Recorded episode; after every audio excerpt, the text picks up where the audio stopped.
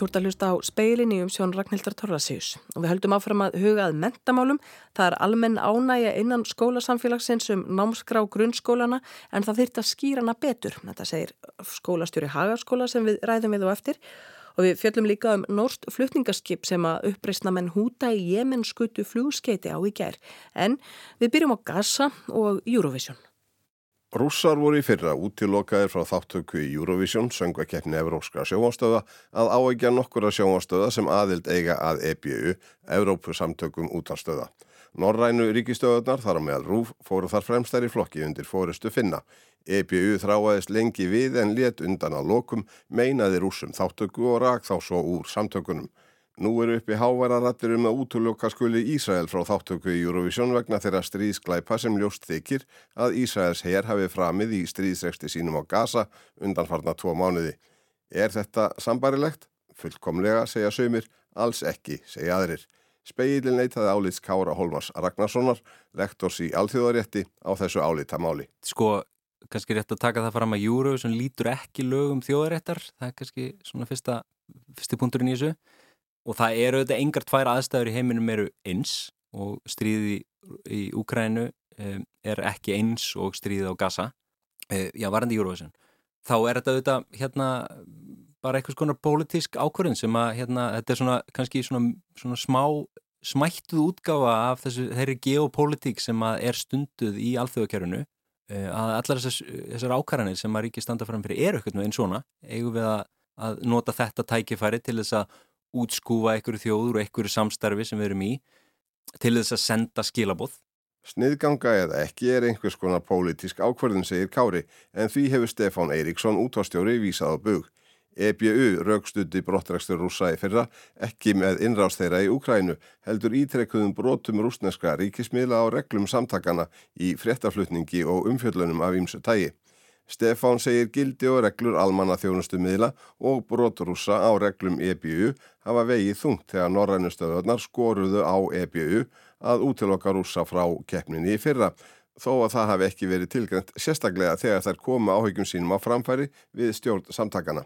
En hvað um innrásina sjálfa hafði hún ekkert að segja? Jú, jú, það er ekkert að taka hana neitt úr neinu samhengi þegar að, þegar að, að þessu kemur. En e, þetta var e, niðurstaðan þá, ekki bara hjá okkur heldur öðrum og, e, og svo niðurstaða sem blasir við núna hjá okkur er svo sama eins og hjá öðrum sem ekki hafa gert aðtúa semtir við þetta að svo stöttu. Tilgangur sniðgöngu og annara samsvarandi og afgerandi aðgerða af halvu stóra Jansens Mára ríkja hlýtur alltaf að vera að reyna að hafa áhrif að fá önnu ríki til að fylgja sér að baki því sem barist er fyrir og knýja það í gegn, segir Kári. Og það var held ég að einhverju leiti sko hugmyndin að því þegar Ísland viðkendi Palestínu sem e, sjálfstætt ríki að, hérna, að það myndu fleiri e, vestran ríki kannski komið í kjölfarið. Það gerðist kannski ekki alveg, í, það voru einhverjir náttúrulega sem hafa bæst í þann hóp en, en ekki svona þessi massi af vestranum ríkjum sem er þyrti til þess að skapa þennan raunverulegu þrýsting. Svo maður auðvitað líka hugsa þetta öðru svo, hugsa bara, það hefur ekkert að gera með hérna einhver, einhver svona stór þrýstingsmál, þetta er bara spurningum einhverju siðferðislegt val vil maður vera með í þessum aðstæðum eða ekki. Pólitísk afstæða er eitt siðferðislega afstæða annað vil maður vera með eða ekki í ljósi þeirra stríðsklæpa sem Ísraðis her hefur framið í yfirstandandi stríði á Gaza má spyrja út að stjóra hvort það hefur komið til umræðu að Rúf krefist útilokkunar Ísraðis frá keppni eða Rúf hætti við þáttöku í keppninni af siðferðislegum ástæðum. Það eru þetta skjálfilegt ástand e, á þessum slóðum og, og skjálfilegir atbyrðið sem þarna hafa e, átt sér stað. Rúf hefur skýru hlutverki að gegna við að miðla fréttum og upplýsingum, greina stöðu e, mála, upplýsa og fræða almenning um það sem þarna er í gangi. Og það hefur að gera með hlutlegum hætti, gæta því að allar upplýsingar og öll sjónamið komi fram. Og á sama tíma þá getur við ekki verið að taka mjög skýra pólitiska afstöðu til þessara hluta. E, þetta sem þú nefnir er í höndum annar aðila hér á landi. Það er íslensk stjórnvöld eins og stjórnvöld í öðrum löndum fyrir sitt land að móta afstöðu uh, og, og, og taka ákvarðanir sem, að, sem á, því, á því byggjast. Og það er óneittanlega gíska áberandi hversu ólík afstafa og ákvarðanir vestræðna ríkja til hernaða rúsa í Úkrænu og Ísraela í Palestínu eru sem svo virðist að einhverju leiti endur speglast í afstöðu og ákvarðunum um þáttöku þessara ríkja í Eurovision. Kári segir átökin reyndar heldur ekki fyllilega sambarileg út frá þjóðréttarlegum sjónamiðum. Ég finnst þessi átök þó þessi við gangi á sama tíma eru ekki, þau eru ekki nákvæmlega eins sko, þau eru ekki nákvæmlega sambarileg.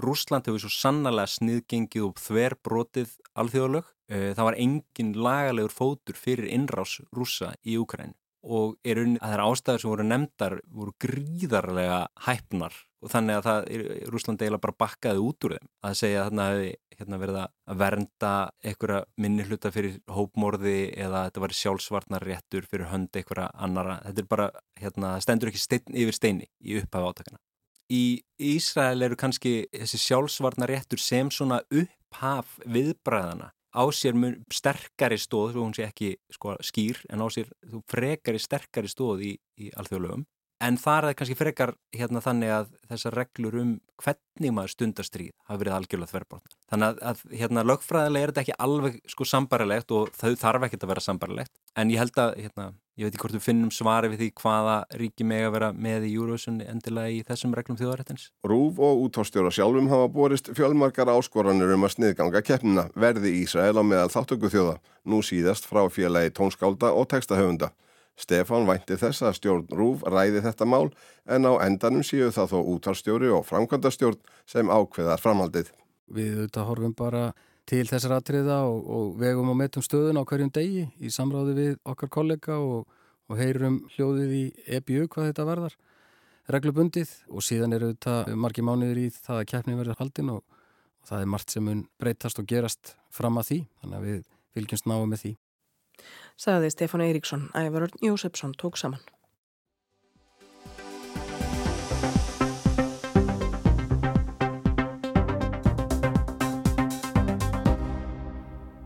Norska flutningarskipið Strinda er á leið til hafnar eftir að uppreysna menn húta í Jemen skutu á það með flugskeiti í gær. Eldur kviknaði skipinu en engan sakaði. Skipið hafði nýlega silt um hið hernaðarlega mikilvæga Bab al-Mandab sund sem skilur að Afríku og Arabíu skaga. Það var komið um 60 sjómilur inn á Rauðahaf þegar flugskettið skall á því. Skipverjar sendu út neðarkall og bandaríski tundurspöllirinn USS Mason helt þegar í stað til hjálpar til þess meðal annars að koma í vekk fyrir að árásarmenn ríðist um borð og tækju áhöfnina í gíslingu. Franska freikáttan á Longedokk var á eftirriðsferð á Rauðahafi. Áhefn hennar skaut niður dróna sem var ætlað að hæfa norska skipið að því er varnarmálaráðuneti Fraklands greindi frá í dag. Talsmaður uppreysnarsveitað húta í Jemen tilkynnti í nótt að þeir hefðu staðið að árásinni. Skipið væri fullhlaðið ólíu og hefði verið á leið til Ísraels. För þess hefði verið hindruð þar sem hútar ætluð að koma í vekk fyrir vöruflutninga til Ísraels þar til þeir heimiluðu að mannúðar aðstóðir þið send til gasasvæðisins. Skotið hefði verið á skipið þar sem stjórnendurnir syndu ekki fyrirmælum um að stöðva för þess. Strenda er í eigu útgerðarfélagsins Jóðu Ludvig Mankels í Björgvin í Nóriði. Norska ríkisútvarpið hefur eftir talsmanni félagsins að útgerðinni hafi verið tilkynnt í gerðkvöld að ráðist hefði verið á skipið og eldur kviknað í því. Nokkara skemdir urðu en engan í 22 manna áhöfndes sakaði. Skipverjarnir eru allir frá Indlandi. Yfirstjórnuna bandariska sjóhersins í miðausturlöndum greindi frá því í tilkynningu að strinda væri á leið til örugrar hafnar fyrir eigin vélarafli í fylgd tundurspillisins. Að sogna norsku útgerðarinnar var skipið alls ekki á leið til Ísraels heldur Feneja á Ítalju. Farmurinn var ekki ólíjan sem hútar fullirtu að væri ætluð Ísraelsmönnum heldur pálmaólíja sem ætluninn er að nýta í lífefna eldsneti. Skipið var lestað í Tangjung langsat í Malasíu þaðan sem það lagði af stað áleiðist til Ítalju 27. november og var það á leið að Súeskurðinum þegar skotið var áðað.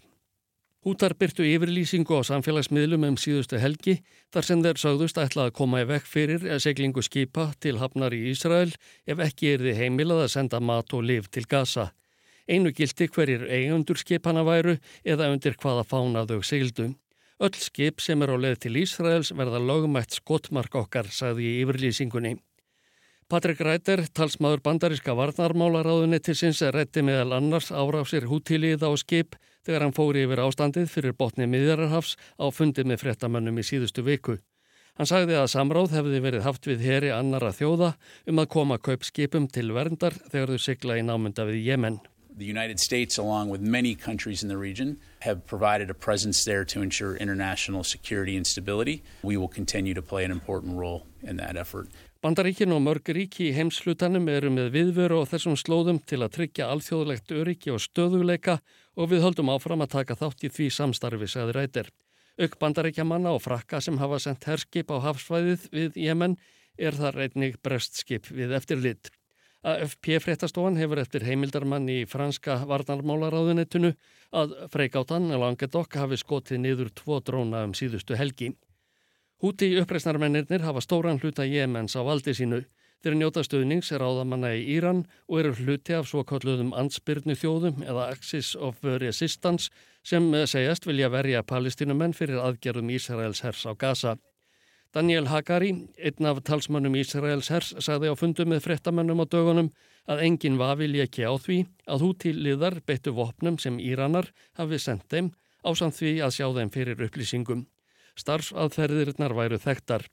Með þessu framferði varu Íranar að grafa undan öryggi í heimslutanum og það væri alþjóðlegt vandamál.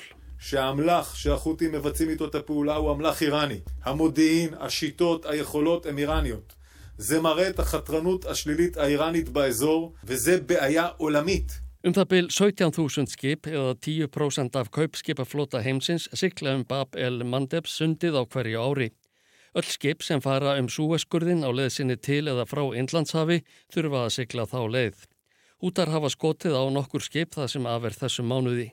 Í síðasta mánuði herrtóku þeir bílaflutningaskipið Galaxy Leader á Rauðahafi. Það er í eigu Bresks fyrirtækis og hafði verið lekt japansku skipafélagi. 25 manna áhöfn þess var tekin höndum. Að sögn AFP fréttastofunar var engin farmur í skipinu þegar því var rænt. Ásker Tómasson saði frá.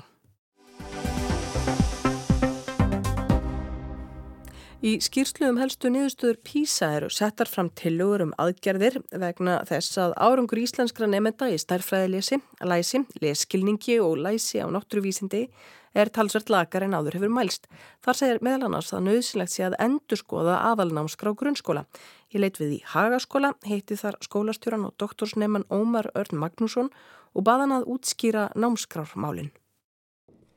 Þetta er námskráin aðalnámskrá grunnskóla, almennu hluti 2011 og greinasvið 2013 og útgifið af því sem þá heitum menta og menningamála ráðanitið. Við erum með svona tiltölulega nýja námskrá sem tók við að fyrir námskrá frá því um aldamótin 99 þar á undan námskrá frá 89 og þessar þrjár síðustu námskrá sem við höfum starfað eftir eru tiltölulega ólíkar. Það má segja að þessi sem við erum með núna sé svona mjög opinn námskrá, hún er nefnd á hefni miðuð að það er fjallaðin um það sem nefndur er að læra og svo framvegis og, og auðvitað tekur hún líka bara tillit til ströyma og stefna sem að hafa orðið og breytinga bara í lögum og barnasáttmála saminu þjóðana og liðræðslu og skólastar og svo framvegis og svo framvegis. Námskráin á undan þessari eh, frá 99 var mjög nákvæm námskráðin þar á undan, hún var svona svolítið gaggrinn fyrir að vera of opinn og svo næsta fyrir að vera allt og stýrandi og nákvæm og þessi hefur verið mest gaggrinn fyrir að vera kannski aðeins of óskýr eða við hefum erfitt með að koma okkur að sameinlegum skilningi, ekkit endilega bara innan skólana heldur, líka þetta mikilvægt að sé sameinlegu skilningu skóla og heimila og foreldra og nefenda og allra sem að námskráni koma þannig að það hefur svona verið mesta gagnrýnin á hana hefur verið eh, út af því. Hins vegar var gerð könnun meðal skóla samfélagsins á námskráni 2019 til 20 það sem kom í ljósa það er almenn ánægja með námskrána með svona almenna, hérna, almenna hugmyndafræðina í námskráni en hins vegar er hún gagnrýnd fyrir að vera kannski pínulítið torskilin eða við hefum ekki komið okkur samfélagsskilningi skilningi um hana þínar áherslur í þínu dóttorsnámi hafa verið á fjölskyldur og skóla. Maður bara heyri svolítið að fólk segist ekki vita hvar barnið þeirra er statt eða hvernig þið gengur. Ég er að rannsaka reyndar aðkomi foreldra í námi framhaldsskóla barna en auðvitað eiga þær allt eins við í, í grunnskólanum og það er mjög áhugavert vegna þess að sko þær kenningar sem ég er að stýðast við gera ráð fyrir því að tungumálið og skilningur á því veiti aðgang á kerfum og þetta þekkjum við bara við sem að vinnum í skólum höfum góðan aðgang að því kerfi hér þar sem við þekkjum það en, en kannski hef ég sem skólamæður minni aðgang að, ég veit ekki, helbriðiskerfinu eða dómskerfinu eða eitthvað þess að ef ég myndi lenda þar inni Þannig að kenningisast með að við að, að skilningur á því sem að fer fram innan kerfisins sé grundur að því að þú hafið aðgangaði og að nefnendur upplifi að þeir viti til hvers er ætlast að þeim og ef að foreldrar er að taka þátt í námi barnarinn sinna þá verða þau að vita það líka og samþykja það sem er í gangi í skólunum. Út frá því er náttúrulega mikilvægt að skilabóð frá skólunum um það sem að fer fram í skólunum séu svolítið skýr og, og skiljanleg öllum helst vegna þess að skilningur eða miskóður skilningur á því hvað er að gerast í kerfinu býr til mismunandi góðar aðstæðu nefnda til þess að starfa í því og, og þannig verður stjættamunur á því hvaða nefndur hafa góð tækifæri til þess að nýta það sem fer fram í skólunum og, og þeirra sem hafa síður góð tækifæri. Og þess vegna er náttúrulega mikilvægt að námskráin eða allavega útfæsla skólan á námskráni sé skýr og greina góð og það sé svona sameilu skilningur um hana. Alltaf líka mikilvægt bara að við sem að búum hérna á Íslandi bara höfum svolítið bara þekking og færni til þess að taka þátt í skólaumræðu og vitum út af hvað hún gengur. Og ég myndi segja að sko námskráin er ekki aðgengileg öllum, sannarlega ekki. Það kannski er þá svolítið okkar sem vinnum í skólunum að gera hana þannig, að gera það sem við erum að gera skiljanlegt og aðgengilegt og þá væri betra við værum svona í meiri samljóð með að meira sammála um uh, út af hvað hann gengur. Ég held að til dæmis þegar að kemur að námsmati sem að hver og eitt skóli framkvæmi fyrir sig og ber að gera og ber að útskrifa nefndur úr, tíundabekk að þrátt fyrir að til dæmis matsviðmið í námskránu við lók tíundabekkjar sem allir skólar nota til þess að meta nefnendur, þrátt fyrir að þau séu í námskránu svo sem og, og liggja alveg fyrir að þá ímynda ég mér að sé mjög misjamt eftir skólum hvernig nefnendur eru metnir í lók tíundabekjar. Það bara fyrir eftir í hvernig þú tólkar ákveðin orð? Já, já, ég meina texti er bara opinn til tólkunar, það er bara margt þannig í námskránu eða í texta almennt. Hvernig væri hægt að gera námskrána betri? Já, sko eins og ég sagði að þá er almenn sátt um svona grunninn í námskráni og svona hugmyndafræðina sem er í henni meðal kennara. Eh, það er eins og mikilvægt að allt skólasamfélagi sé svona betur meðvitað um út af hvaðan gengur og það er þá bara, þarf bara ákveðna svona fræslu eða kynningu á því hvernig námskráin er hugsuð Varðandi okkur inn í skólunum að þá finnist mér líka heppilegt að það væri meiri stuðningur við námskólan og þannig er gaggrind í þessari konun sem ég nefndi hérna 2019-20 að svona innleiðing námskólarinnar hafi verið, ekki verið kannski nógu þétt og góð þá frá væntalega ráðuneytinu eða mentamálastofnun og mögulega hafa sveitafélögun eitthvað hlutur kannar líka. Við höfum dæmi til dæmis á norsku námskráni sem að mörguleiti hefur svona svipaða hugmyndafræði en þar er bara gríðarlega stort sko stuðningsumhverfi utan á um námskrána með hugmyndum um hvernig var þetta nálkast inn og þess hefni við mið og hvernig var þetta meta ákveðna þætti með sínidæmum og ymsu þess aftar. Er það þó bara hreinlega einhver stopnun, einhvert apparat í kringum námskrána? Já, það, það getur verið það og eins líka sko að námskráin ánáttúrulega ekki að vera dauður hlutur sem er lagður fram á 10-20 ára fresti sko. Námsgráfin í mínum huga ætti að vera í stöður í enduníun eða, eða ætti að vera allavega svona ákveðið ákveðin hugmyndum það að hann væri enduníun ákveðin tíma og við höfum fyrirmyndunum það líka frá til dæmis Finnlandi og Singapur þar sem að námsgráfin er endur skoðaðar bara svona kerfisbundið kannski 5-10 ára fresti er farið í gegnum ákveði ferli í því Uh, og síðan þetta með bara stuðningin ef að uppkoma, uppkjömmur umræða um námskráðuna, hún sé gripin einhver staðar og helst leitt einhvern veginn til lykta sem væri þetta að gera með stuðningsbatteríi sem að með það sem viðbúum við væri eðlilegt að væri mæntilega mentamálustofnun eitthvað þess að það eða, eða þá ný stofnun sem er að verða til á, á þessum dögum. Þetta var Ómar Örn Magnússon, fleira var ekki í speklinum, tæknimaður var Kári Guðmundsson, veriði sæl.